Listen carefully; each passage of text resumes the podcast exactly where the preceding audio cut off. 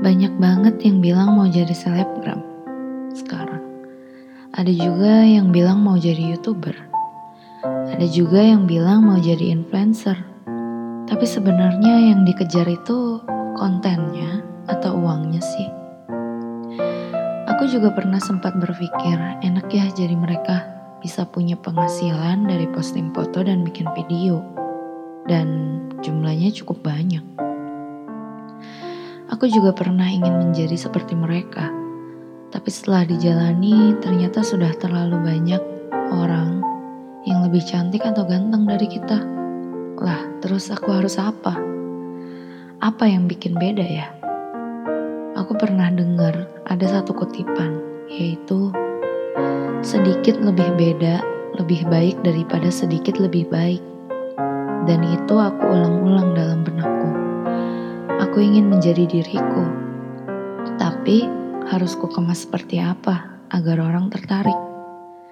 Sampai saat ini pun aku tidak tahu. Mimpi itu masih aku tenggelamkan di dasar laut.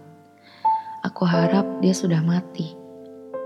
Ternyata di zaman sekarang menjadi selebgram adalah sebuah pekerjaan. Siapa yang sangka menjadi selebgram bisa menjadi mini hidup di masa depan? Terkadang dunia berubah tanpa aba-aba. Tiba-tiba saja dunia menjadi seperti itu. Tapi sebenarnya kita saja yang tidak sadar. Padahal perubahan tidak terjadi dalam semalam. Dia berproses dan bertumbuh. Ingin menjadi influencer atau apa pun itu, kamu juga harus mencicilnya. Habiskan dulu hari ini. Besok baru dipikir hari esok. Boleh punya plan, tapi jangan terlalu fokus dengan masa depan. Karena masa depan tidak ada yang tahu. Yang kita punya adalah hari ini. Satu langkah, selangkah demi selangkah. Kita pasti bisa maju.